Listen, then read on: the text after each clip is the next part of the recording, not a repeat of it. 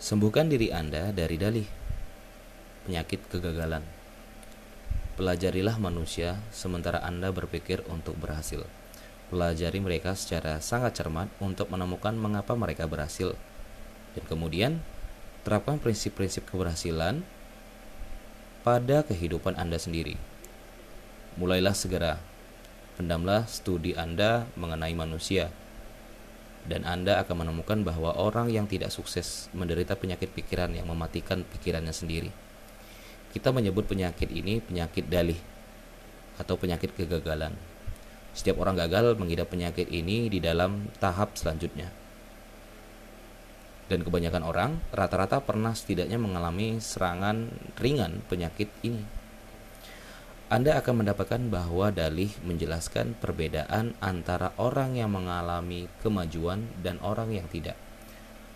Anda akan mendapatkan bahwa semakin berhasil orang bersangkutan, semakin kurang cenderung ia membuat dalih.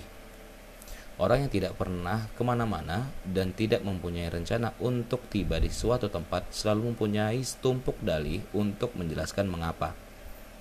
Orang dengan prestasi sedang-sedang saja cepat sekali menjelaskan mengapa mereka belum berhasil, mengapa mereka tidak berhasil, mengapa mereka tidak dapat berhasil, dan mer mengapa mereka bukan orang yang berhasil. Pelajari kehidupan orang yang sukses, maka Anda akan menemukan kebenaran ini bahwa semua dalih yang dibuat oleh orang yang sedang-sedang saja boleh jadi ada, tetapi tidak dibuat oleh orang yang sukses. Saya, saya tidak pernah bertemu atau mendengar tentang seseorang eks, eksekutif bisnis, perwira militer, wira niaga, tokoh profesional yang sangat sukses atau pemimpin dalam bidang apa pun yang tidak dapat menemukan suatu atau dalih besar untuk mereka bersembunyi di belakangnya. Roosevelt dapat saja bersembunyi di balik tungkai tungkainya yang lumpuh. Truman dapat saja menggunakan dalih tidak berpendidikan perguruan tinggi dan Eisenhower dapat saja bersembunyi di balik serangan jantung yang dideritanya. Seperti semua penyakit, penyakit dalih menjadi semakin buruk jika tidak diobati dengan tepat dan segera. Korban dari penyakit pikiran ini mengalami proses mental seperti berikut ini. Satu, pertama dia akan mengatakan kepada dirinya, saya tidak bekerja sebaik yang seharusnya.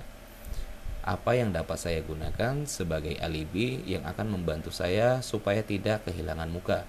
Coba kita lihat. Kesehatan yang buruk. Coba kita lihat. Kesehatan yang buruk.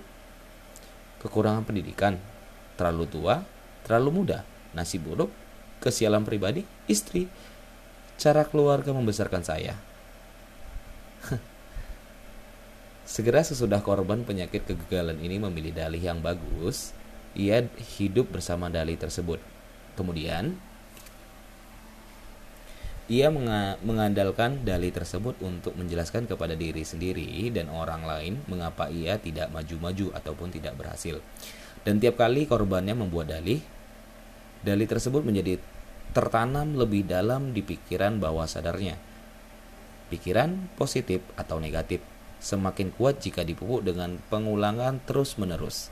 Pada mulanya, korban penyakit dalih mengetahui alibi alibinya sedikit banyak merupakan kebohongan. Akan tetapi, semakin sering ia mengulanginya, semakin yakin ia jadinya bahwa dalih itu benar-benar sepenuhnya dan bahwa alibi tersebut adalah alasan sebenarnya mengapa ia tidak berhasil seperti yang seharusnya. Produser satu dalam pro pro, maksud saya prosedur satu dalam program individual Anda untuk berpikir sukses ialah memberi vaksin diri Anda terhadap penyakit dalih, penyakit kegagalan.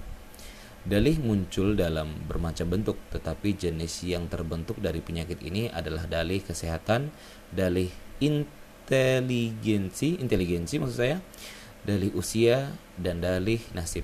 Sekarang Mari kita lihat bagaimana kita dapat melindungi diri kita dari keempat penyakit yang lazim ini.